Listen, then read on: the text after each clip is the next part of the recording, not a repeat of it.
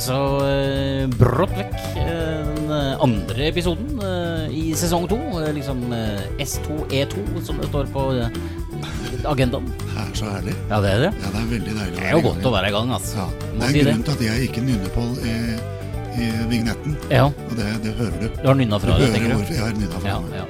Spennende gjest i dag, eh, Tom. Veldig spennende gjest i dag. Ja. Absolutt. Eh, og, og det er en gjest som nok liker seg litt bedre i, eh, i kulissene og i spaltene og i utredningene og i tenkearbeidet. Ja.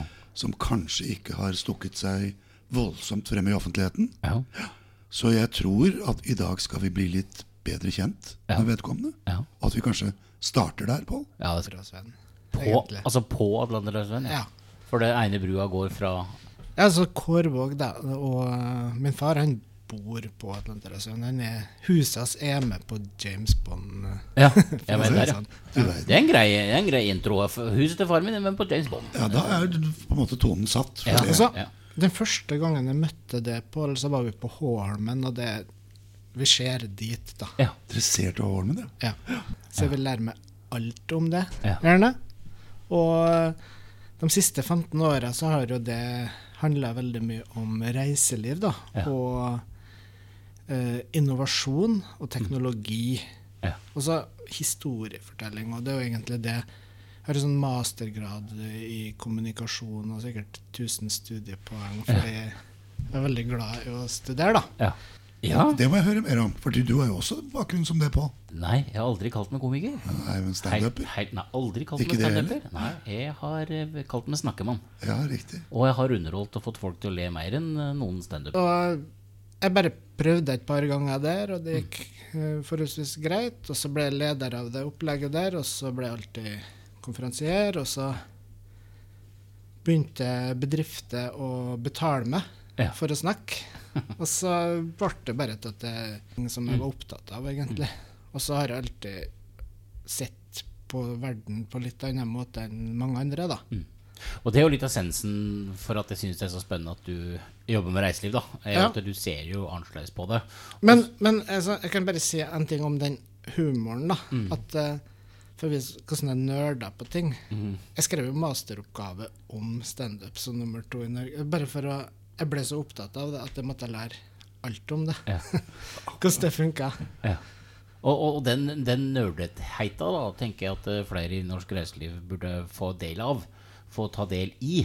Uh, og så gikk du uh, hen og Du har jo, sånn, du har jo starta et par bedrifter. Uh, Ja. Første gang vi møttes, så drev du en bedrift som het Norsk Gåsehud. Ja. Det, Det er, det er et bra navn. ja, det ja, det navnet var jo til god hjelp, for så vidt. Men den starter jo i Kristiansund. Jeg flytta hjem fra Trondheim, da. Så bodde der, og, og vi jobba litt med å Jeg ville leve av hobbyen min, egentlig, som var klatring, eh, toppturer på ski, surfing, sånne ting. Og så ville jeg ta med bedrifter ut. da. Da tenkte jeg at eh, her er det veldig mye ting som må endres hvis de skal ha sjans. Mm. Så, eh, så sånne innspill eh, elsker jeg å få, da. Mm. Der folk sier Fordi det er det som er den største utfordringa, tenker jeg, mm, for mange som starter reiseliv. Vi må hente inspirasjon fra andre bransjer, ikke minst. Men du jobba som, eh, som guide, da, eh, og tok folk med både på klatring og andre ting, og småturer. Og så var det Jeg mener å huske at det er cruisehistorie her som eh, Ja, nei, det er mange, mange ting. Altså, ja, vi, vi starta vel så trenger de noen å arrangere sommerfesten sin, og så er det ikke andre Altså, vi tok alt mulig. Og det ble vanna ut, og så fikk vi lyst til å kjøpe mer billig sportsutstyr, så vi åpna en butikk også. Og jeg hadde ante jo ikke hvor tidkrevende det kom til å bli. For den hadde en ganske sånn brutal vekst. da. Og vi jobba, som Pål nevnte her, da, litt med cruiseskip. Den kom til kai og tilbake igjen, liksom. Og 500 per pers og et busslass, og så hadde vi én guide eller to. Så det var ganske bra nettofortjeneste sånn sett. Men det var også veldig interessant når vi begynte å snakke med de mer hyggelige amerikanske passasjerene og sånt, og så forstår vi at de hadde kanskje betalt 2002 da, om bord i båten. Akkurat. Og, og det i seg sjøl er jo litt interessant. Vi var jo fornøyd med den prisen vi hadde, men det, var, det føltes ikke verdt prisen for en liten fjelltur med litt regn og eh, tåke og av og til bra utsikter, for så vidt. Og så begynte jeg å in- undersøke mer om på en egen plattform, og så kutte ut litt av de mellomledda, da. Og sånn gikk det gradvis over til det som var Nanook, da. Eh, der vi hadde en tanke om å lage en plattform for uh, nordmørske. Etter hvert, faktisk, så drømte vi om norske uh, selskap, og så plutselig så var vi ja, 110 land, egentlig. Da vi hadde, det, det gikk bare tarfilm, der uh, regissøren har en sånn passiv rolle, at han står og ser på og ikke instruerer folk. Og ehm, den handler om en uh, inuittfamilie i Canada eller Alaska, og der Robert Flaherty heter den. Og det er en veldig, veldig fascinerende liten dokumentarfilm. Jeg har faktisk sett den. Ja, og øh, det er det det handler om egentlig, Nanook. Da, å hjelpe lokale Altså de små lokale, og Nanook var et fint symbol på det. Det betyr for så vidt også isbjørn på inuittspråk, så vi vil, uh, Nanook skal jo gi prosenter av overskuddet sitt til å rense havet og sånne ting. da. Vi har ikke hatt sett så mye overskudd. Vi lånte et kraftig overskudd i 2020, men uh, et eller annet skjedde. Sånn gikk det. Jeg vet ikke helt hva som skjedde der, men, Men i dette så ligger jo altså jeg, jeg, ser en god del idealisme, og jeg ser veldig fokus på bærekraft. ja. eh, det er um, Altså, på den ene måten så kan en si idealisme og sånn, men på den andre måten så kan en si at uh, det er ingen vei utenom.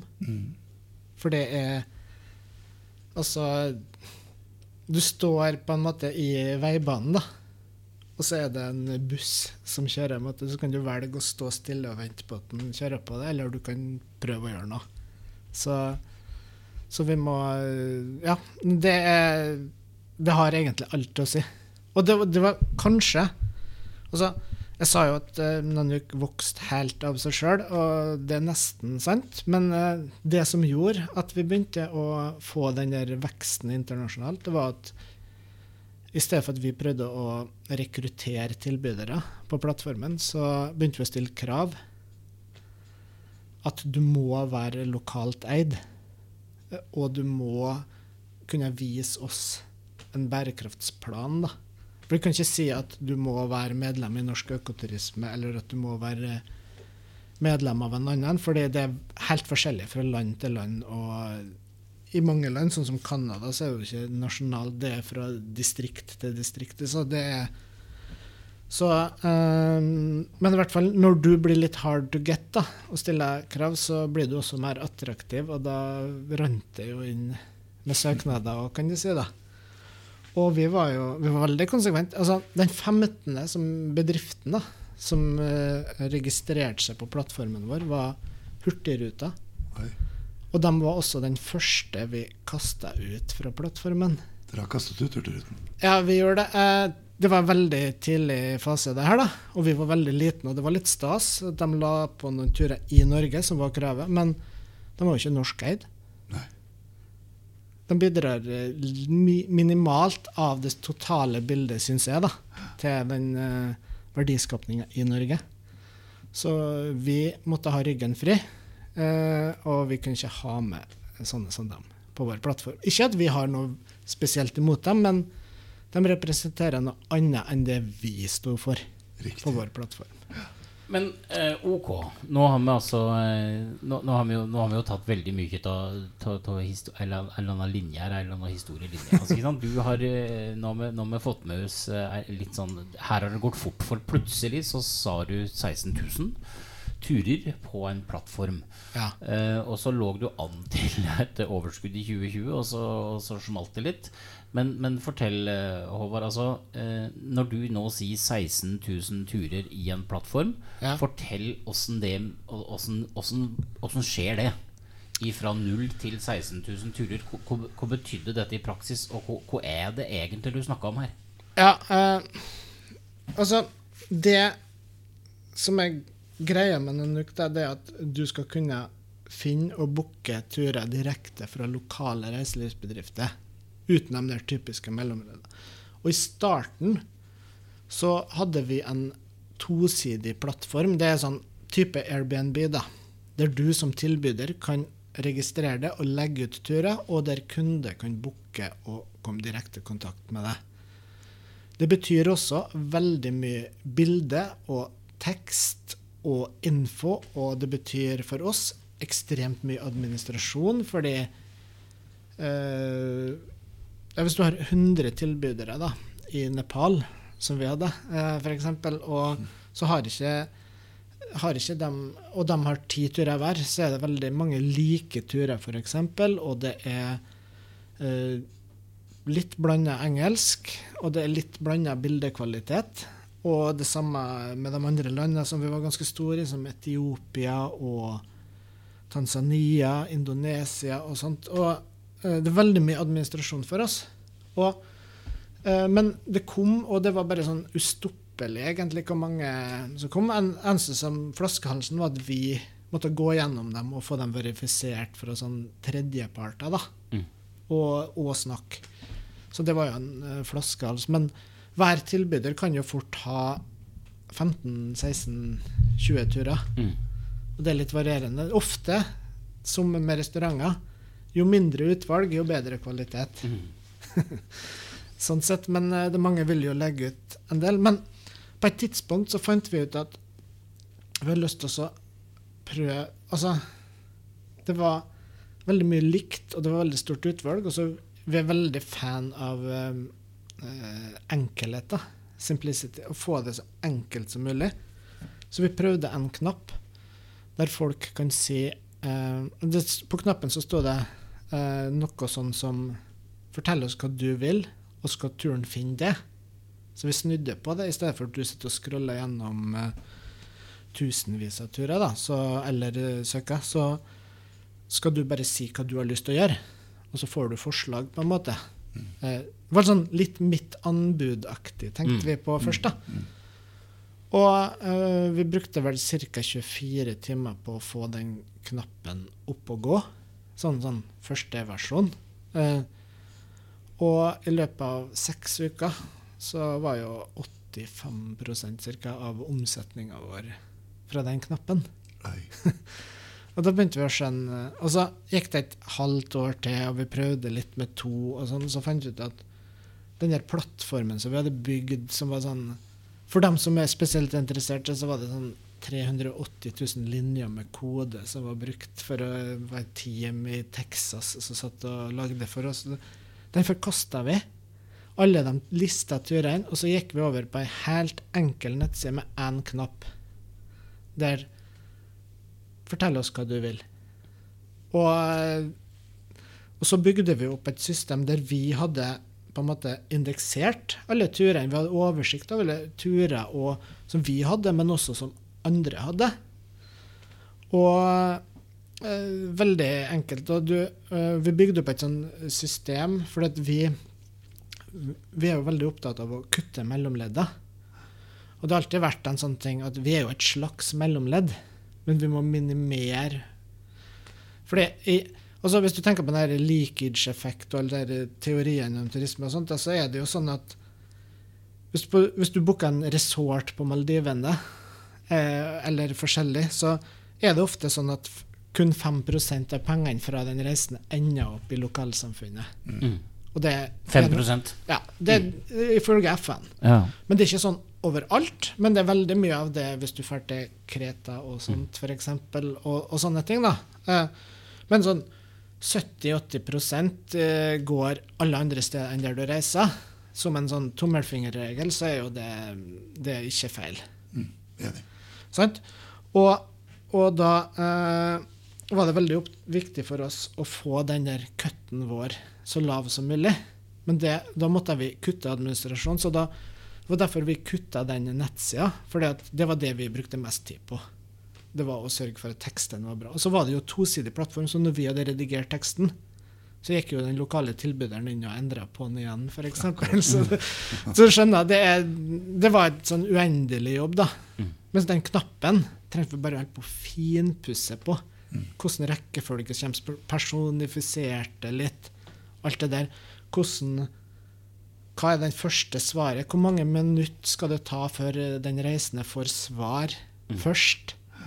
Skal det ta ett minutt? Nei, det virker urealistisk. Vi fant ut at åtte var bra. Vi har prøvd alt opp til to timer og sånn. Bare vi er først. Og uh, um, det systemet vårt var sånn at vi hadde lokale som uh, styrte sitt område da, og bygde sin portefølje. Sånn F.eks. Sør-Amerika-manager, Chile-manager, sånne ting. Og da var det lokale reiselivsbedrifter der som uh, delte vår kutt 50-50. Sånn, så vi satt igjen med kanskje sånn 4% men vi sto også for markedsføring. Men likevel. Så vi har jo vært sånn startup som har fått investorfinansiering, kan du si. Men, uh, og brukt pengene på utvikling først. Men nå i 2020 så hadde vi solgt turer på den måten for uh, litt over 6 millioner dollar. Og hvis du tenker en sånn 4-5% av det, så er det Og det er nesten ren netto for oss. Fordi alle utgiftene har Også med altså, Teamet vårt har fått betalt på en måte før oss, de som vi har jobba med i mange år. Mm. Men nå, um, ett år ute i pandemien, så er det jo veldig mange av de der små reiselivsbedriftene rundt omkring som ikke finnes lenger. Mm som vi har brukt år på å bygge opp det tillitsforholdet. For det, det, var en annen ting. Vi har jo et tillitsbasert system. Og vår partner i Sør-Amerika, han syns jo det er galskap. Sånn som nordmenn. Vi har jo så stabilt eh, stabil regjering, stabilt system. Vi har veldig stor tillit til at folk gjør opp for seg. Men han sa at den der eh, måten nordmenn har eh, en kopp der du kan betale sjøl på ferga. Sånn. altså, han, eh, han, bodde i Brasil, da han, med, han sa at der hadde koppen vært stjålet. Vaffelpresset hadde vært stjålet. Kjøleskapet hadde vært stjålet. Du kan ikke basere på til... Men det fungerte veldig bra for oss. fordi hvis du gir mange nok forespørsler til en tilbyder, så har vi et veldig fint forhold. Og de følger veldig tett opp sine sin portefølje. da. Mm. Så det var helt automatisert, og verden var egentlig klar eh, for våre føtter eh, på den måten. Men jeg syns at eh, likevel, da, så har den pandemien åpna en enda større mulighet for oss. Men, eh, men før det, Tom? Som du hører, altså her er det jo bare muligheter. Og, og før vi, før snakka Før vi liksom starta denne poden her, så var det litt sånn der, at nå skal vi snakke litt om framtid også. Altså, det er muligheten. Altså, altså, var vel du Tom som sa liksom, ja, er, er, det noen muligheter nå? Og så sier du Håvard nå er det så mange muligheter at nå gjør det nesten vondt.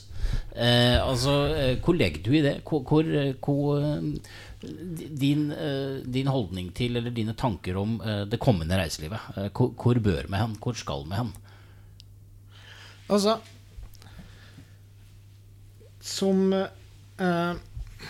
Som de fleste har fått med seg, så har det nesten vært sånn kontinuerlig oppgang siden 1950-tallet. Altså, det var en brems på tre uker da det smalt noe fly inn i noen tårn i New York. Det var knapt nok det. det var, da måtte bare få opp noe bedre sikkerhetskontroller litt kjapt. Men ellers så har det stort sett gått rett opp. Og det er jo selvfølgelig på godt og vondt. Fordi på den eh, For å si det banalt, da. Had, har du hatt ei rorbu og putta inn noen madrasser og sånn, så har du egentlig hatt en reiselivssuksess, hvis du vil. da. Hvis du bare klart å finne de riktige kanalene. fordi så lett er det. Så, så du kunne egentlig starta opp hva som helst uten å tenke så mye på konsekvensen og sånt. Og det har blitt snakka med fordi vi har jo merka det at øh, øh, Altså det har blitt mye mer fly i lufta, det har blitt mye, mye mer forurensning. det har Klimadebatten har kommet sakte opp, men ingen vil stoppe et sånn ekspresstog eh, som går i full fart med reiselivet, som selvfølgelig har også måttet utvikle seg på mange måter, men, men nå har plutselig denne pandemien stoppa alt. Vi gitt oss tid til å tenke, og nå har plutselig um, Nå ser vi sånn som Thailand, da, som skal begynne å jobbe mot masseturisme. Mm. Som er helt eh, Ja, altså, det, det er jo jeg, jeg, vet ikke helt, men det er vel Frankrike og Spania som er største destinasjonene i verden. Men Thailand er ganske mm. høyt oppe, da. Absolutt. Og, og, og, det er jo interessant. Et land som er så til de grader avhengig av uh, turisme, vil gjøre det. Norge er jo uh, en av de landene som er kanskje minst avhengig av turisme, hvis du ser historisk sett på det, pga. oljen. Men eh, det er mange ting som tyder på at vi kommer til å bli veldig mye mer avhengig av turisme etter hvert. Og da handler det også om at vi må i stedet for den ekspressfarta som vi har hatt med å bygge ned natur og komme alle de der um, uh, Altså det, det volumtankegangen, da. Jeg ser jo mange har snudd. Sånn som Jeg hørte Kristian Jørgensen snakke for fem eller ti år siden, jeg husker ikke helt, men han snakka om hva potensialet var på kinesere på Trolltunga, og han snudde jo veldig i fjor, hørte jeg, og det var veldig fint å høre, da. I stedet for at for han snakket, Det var en sånn historie om at en operatør kunne skaffe 100 000 kinesere, eller noe sånt. Og så nå har hele tankegangen snudd. Og det her skjedde jo egentlig før pandemien og sånt òg. Og det er så mange som har fått tid til å tenke seg om, og som har lyst. Um, og så er det mye snakk om det der at vi må satse mer high end og høyt opp. Men det er også sånn Vil vi tilbake til gode, gamle dager da det var kun for eliten å drive og reise? Så det var det jo veldig stor grad frem til Thomas Cook åpna mm. det for, for mange. Sant det. Så, så, jeg tror på det der. Men uh, at, at, vi må ikke uh, skape et reiseliv som er kun for de få, men vi må skape et bedre et, for, som flere har mulighet til å ta del i. Og det er ikke tvil om at vi må nødt å tenke litt også, Ikke bare litt, men vi må tenke på hvor folk kommer fra, og hvordan de kommer, uh, ja, reiser, da, mm. som står for mest av utslippene. Men, men også hvordan vi kan integrere reiseliv og destinasjonsbygging på en ny måte, da. Uh, er veldig opptatt av, egentlig. Mm. Har du gode eksempler, da? Altså, i, i, i, eh, altså, eh, du må ta ut med litt til selskapet du sitter og jobber i nå. For nå, ja. for nå jobber du jo med, med, utvikling av reiseliv. Og så Tom og jeg var litt sånn Ja, dette har vi jo ikke hørt så mye om, ikke sant? Mm. Hva er det du egentlig jobber med nå, da? Altså, hva er løsningen, eller dine altså, forslag? Ja, det kan jeg jo si. Eh, altså, Travelopment, da. Det er også et, det er et datterselskap av Nanook som ble starta før covid. sånn sett, Fordi vi fikk veldig mye forespørsler med folk som hadde lyst på hjelp til konseptutvikling og forskjellig. Og når, når vi hadde fått over 170 sånne, så tenk, begynte vi å tenke at det kanskje var et marked for noe sånt. Så vi mm. prøvde å lage en sånn konsept rundt det. da. Men, men vi, vi, har lyst til å jobbe for å begrense den der um, lekkasjen, da. Så vi laga kurs, online-kurs, som små bedrifter skal kunne se. Vi, vi prøver også å ta kompliserte ting og gjøre dem så enkelt at hvem som helst kan lære det. Fordi det er ikke tvil om at det er veldig lavt utdanningsnivå i reiselivsbransjen.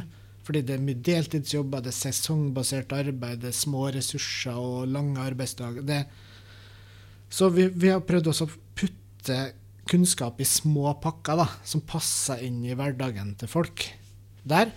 Og, og øh, vi kommer med et veldig sånn øh, Vi har en slags plattform på det nå, men øh, som du vet, Pål, mm. så kommer vi med en helt ny Netflix-aktig plattform for det der nå, der folk kan ta litt mer moderne måte å navigere på og høre på små lyder, videoer, quizer. Lære på den måten som du foretrekker på, da. Og så har vi det som vi kaller et innovasjonsstudio. Og vi skal ikke være konsulenter som jobber med alt.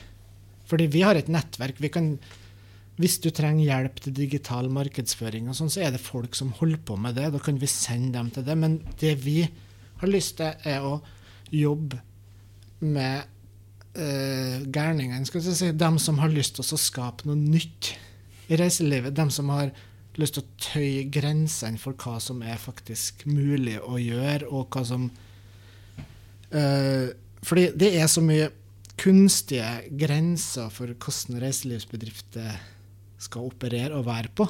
Du har sånn som hotell, da. Mm. Der stjernerangeringa Det er jo helt utdatert. Det, det, det, skal differensiere, men det differensierer i veldig liten grad. Det har et sånn nederlandsk hotellkjede som har utfordra den litt, som heter sånn Citizen M. Som uh, tilbyr high end-produkt til lav pris. Mm. Fordi de har automatisert mange av de unødvendige prosessene. Så men innovasjon det er jo egentlig en systematisk prosess.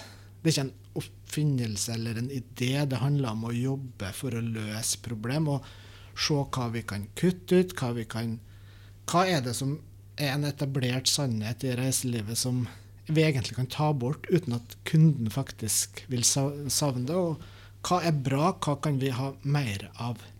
Og prøve å skape. Så så det studioet mm, skal hjelpe de der litt Dem som ønsker å skape forandring, da.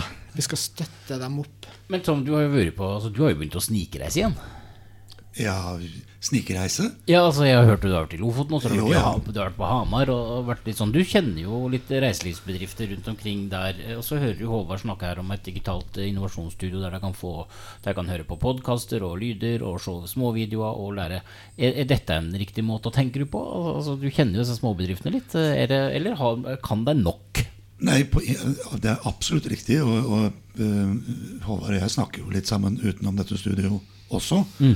Fordi eh, det er jo sånn Nå er det jo Vi befinner oss i veldig utfordrende tider. Det har vi jo snakket oss til kjedsommelighet om mm. under pandemien. Men det er jo også slik at veldig mange tvinges til en omstilling de kanskje burde ha gjort tidligere. Mm. Uh, og, og, vi er inne i en tid og, og en prosess hvor innovasjon og omstilling uh, er ikke bare viktig, men kanskje til og med livsnødvendig for at, eh, for at disse enhetene og bedriftene og aktørene skal overleve. Mm.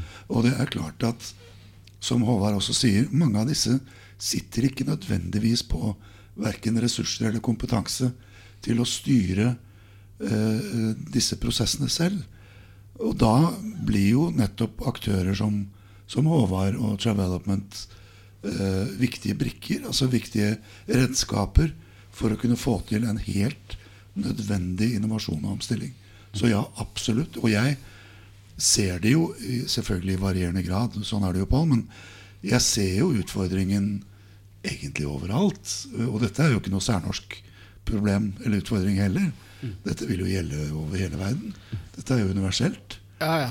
Og, og spørsmål altså, Forespørslene vi får, kommer jo fra hele verden. Mm. Ja, for den, for den nettsida du snakker om, Hår, den er jo rett og slett på engelsk? Ja, eh, det er engelsk. Jeg har skrevet, Under pandemien så har jeg skrevet en del på norsk. da. Ja. Eh, men det, det, handler jo i like stor grad om å, altså Det er enda viktigere å stille de riktige spørsmåla. da. For vi sitter ikke på svaret. det er tilbyderen og kunden som på en måte sitter på svaret, pluss samfunnet der de er etablert i. Men vi skal hjelpe dem å systematisk eh, jobbe med de riktige spørsmåla. Mm. Og, og det, det, det tenker jeg sånn Fordi um, det er altfor mange som sitter på svar rundt omkring. Ja, og, og, og hevder de det riktige svarene ofte også, eh, hevder det. Ja, ehm, Det viser seg jo at uh, f.eks. dem som prøver å spå framtida og sånt, da, det er jo uh, dem som roper høyest, har eh, helt klart eh, lavest treffmargin. Jeg hører på sånne konferanser i gamle dager, husker dere det, gutter? Eh, når vi var på konferanse, og så kom det sånn framtidsforsker. Eh, han var ofte svensk eh, og veldig velkledd, eh, og, og sa ting som nesten var litt utrolige. Og så hadde han vært på internett og funnet 3D-modeller eh, og sa at eh, «Hø- Ja, eh, så her blir det. Og fordi han var svensk, så visste han mer enn oss. Ja, ja, det var, det var, så, det, var, det var så fjongt da når det kom en svenske og sa noe sånt. Eh, men men eh, la, hvis, du skal, hvis du skulle få lov til å prøve å, å, å kikke litt framover, da, Håvard. Eh, altså, du, du kjenner usedvanlig godt til internasjonalt reiseliv. Eh, små og mellomstore bedrifter. Eh, du, du kjenner tusenvis av bedrifter, rett og slett. Eh, hva, er det som beveger seg der nå? Hvor, hvor, hvor kommer reiselivet til å, å, å- gå hen? Og hva er de viktigste endringene, tenker du, noen år framover nå? Ja, hvis du ser litt bort fra bare reiseliv, da, Mm. så eh, Internett er fullt. Altså, det er ikke fullt fordi det fylles, det dobles nesten annenhver dag, eller noe sånt. Eh, men hvis du som reiselivsbedrift skal ha en sjanse å nå fram, så må du Altså, det her er faktisk livsnødvendig å tørre å velge ei lita, tynn, altså spissa målgruppe og skille det ut. Og alle sammen tror de skilles ut fordi at eh. Korvåg er den fineste plassen på verden. Det er jo ikke noe tvil om. Men det er det også fineste i Lofoten og på Senja og på Maldivene, Mm. for å si det sånn. Så, så det å klare å finne måter å skille seg ut på Og det trenger ikke å være en flashy logo, for det, du skiller det ikke ut med det eller ei bra nettside, men det kan være brukervennlighet, det kan være å ha et bærekraftig filosofi. Det bør egentlig ikke være noe å skille seg ut med, det bør være det første du setter opp. Og det kan være forretningsmodellen din. Det kan være så mange måter. Sånn som Trygve og Moa, de har noen spennende prosjekt på gang på Træna, f.eks. Og det kan være andre ting, sånn som Brim, da. Mm. Som uh, går all electric og med Du får se både under og over vannet. Eh, jeg synes uh, det er veldig mange måter å ta det på. Oskar som begynner å ha kurset sin digitalt en stor del av det. Fordi det går an. Og bare sånn name-dropping, da, så er det sånn at eh, Brim og, og Agnes eh, skal jo hit i studio. Hun har eh, ikke kunnet. Eh, hvor mange ganger har du spurt nå, Tom? Det er tre? Ja, er bare tre. Ja, ja, ja. Og Så, Agnes, så, Agnes vil jo fryktelig gjerne, Ja, ja. men hun eh, har vært opptatt. ja, og, hun- så hun skal jo absolutt hit og snakke. Og Oskar, eh, som eh, du nevner her, det er jo Uteguiden. Ja. Eh, som eh, Ålesund Stranda, som altså gikk så digital så det smalt etter, eh, som en konsekvens av pandemien. Um, 10 000 stykk på kr- skredkurs, det er ikke det er ikke alle skredkurs du får til det. Nei, nei det er så, så noe har jo skjedd, tenker Ja. jeg. Eh, men, eh, men bare et lite øyeblikk.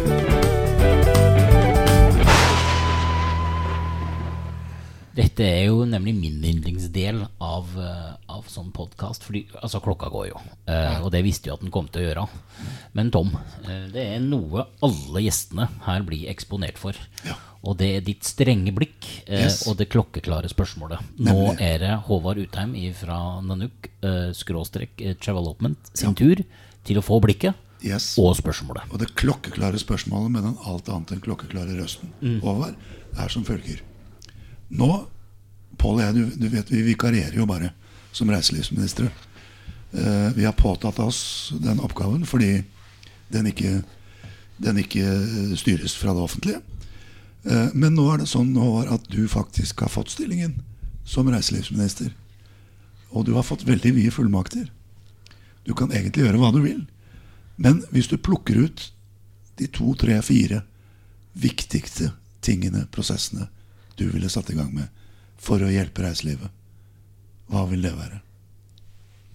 Du har frie tøyler. Ja. Uh, uh, det skal sies at sånn uh, Jeg kommer til å bli verdens minst populære politiker. Fordi jeg ville gått veldig radikalt til verks, da. Og du vet at Newtons lov er jo sterkere enn noe også i reiselivet. Forandring er det verste folk vet, ofte. Men jeg tror at den store muligheten til Norge, da, som er i så stor grad består av ren, god natur, det er å faktisk dra det så langt ut på den der bærekraftslinja som går an. Både i målgruppetankegang og i hvordan, hva type konsept vi har her, da. Og eh, helt konkret eh, vil det jo selvfølgelig ikke være, fordi det er, det er en utvikling der vi, vi, prøver å se på både kundens behov og hva som er best for miljøet, klimaet og alt som en pakke, og jobber systematisk fram mot det. da. Men jeg ville gått ned og gjort noen radikale grep, garantert. To. Og det er jo veldig viktig for meg. Det er jo litt det vi har lyst til å jobbe med med Travelopment. Og det å sørge for å støtte dem som skaper den forandringa.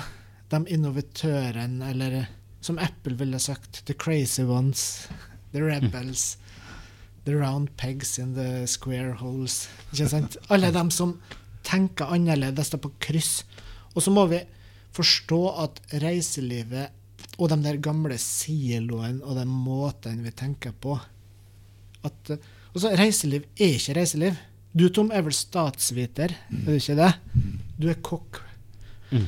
Ja, altså det, Reiseliv er ikke egentlig en bransje, og det bør eh, Altså, ja, vi bør kanskje ha en reiselivsminister, men det er enda viktigere at alt integreres, at vi får en sammenheng mellom lokalsamfunnet og og at reiselivet bygges opp fra bunnen og opp. da. Dette liker vi, Pål. Det, det, det, er mye bedre enn at det skal sitte noen og bestemme oppå. Men uh, jeg kommer til å uh, kraftig til verks. Ja, det hadde Altså, det er jo dette her, vet du. Det er det som er så fint. No, og nå har altså 45 minutter gått mye fortere enn noen gang. Jeg har sittet med åpen munn og åpne ører. Åssen har du hatt det, Tom? Jeg, jeg trodde vi hadde holdt på i Jeg var veldig overrasket over at du valgte å ja, avslutte dette veldig, allerede. Dette er veldig interessant. Håvard uh, Utheim, tusen takk for at du kom. Uh, glem, glemte vi noe? Har, har, du lyst til å komme tilbake? Er det mer å si om reiseliv, eller var vi ferdig nå? Eh, du spurte meg jo om utlandet, og jeg tror ikke jeg snakka noe om det, men Nei, eh, det, eh, ja. Nei, eh, der, der finnes det jo mye. Ja. Vi, vi, må jo lære oss å forstå hvor hen vi er i verden. Men det kan vi vel ta. Vi snakker, kanskje, ja, ja, det, snakker om et gjenbesøk på Ja, med gjenbesøk. Ja. Uh, våre to første gjester denne sesongen har nemlig uh, kvalifisert til det, vil jeg si. Ja, så definitivt. Tusen takk for uh, en deilig liten 45 minutter. Og Håvard Utheim, lykke til med alt du skal finne på i framtida. Ha det bra.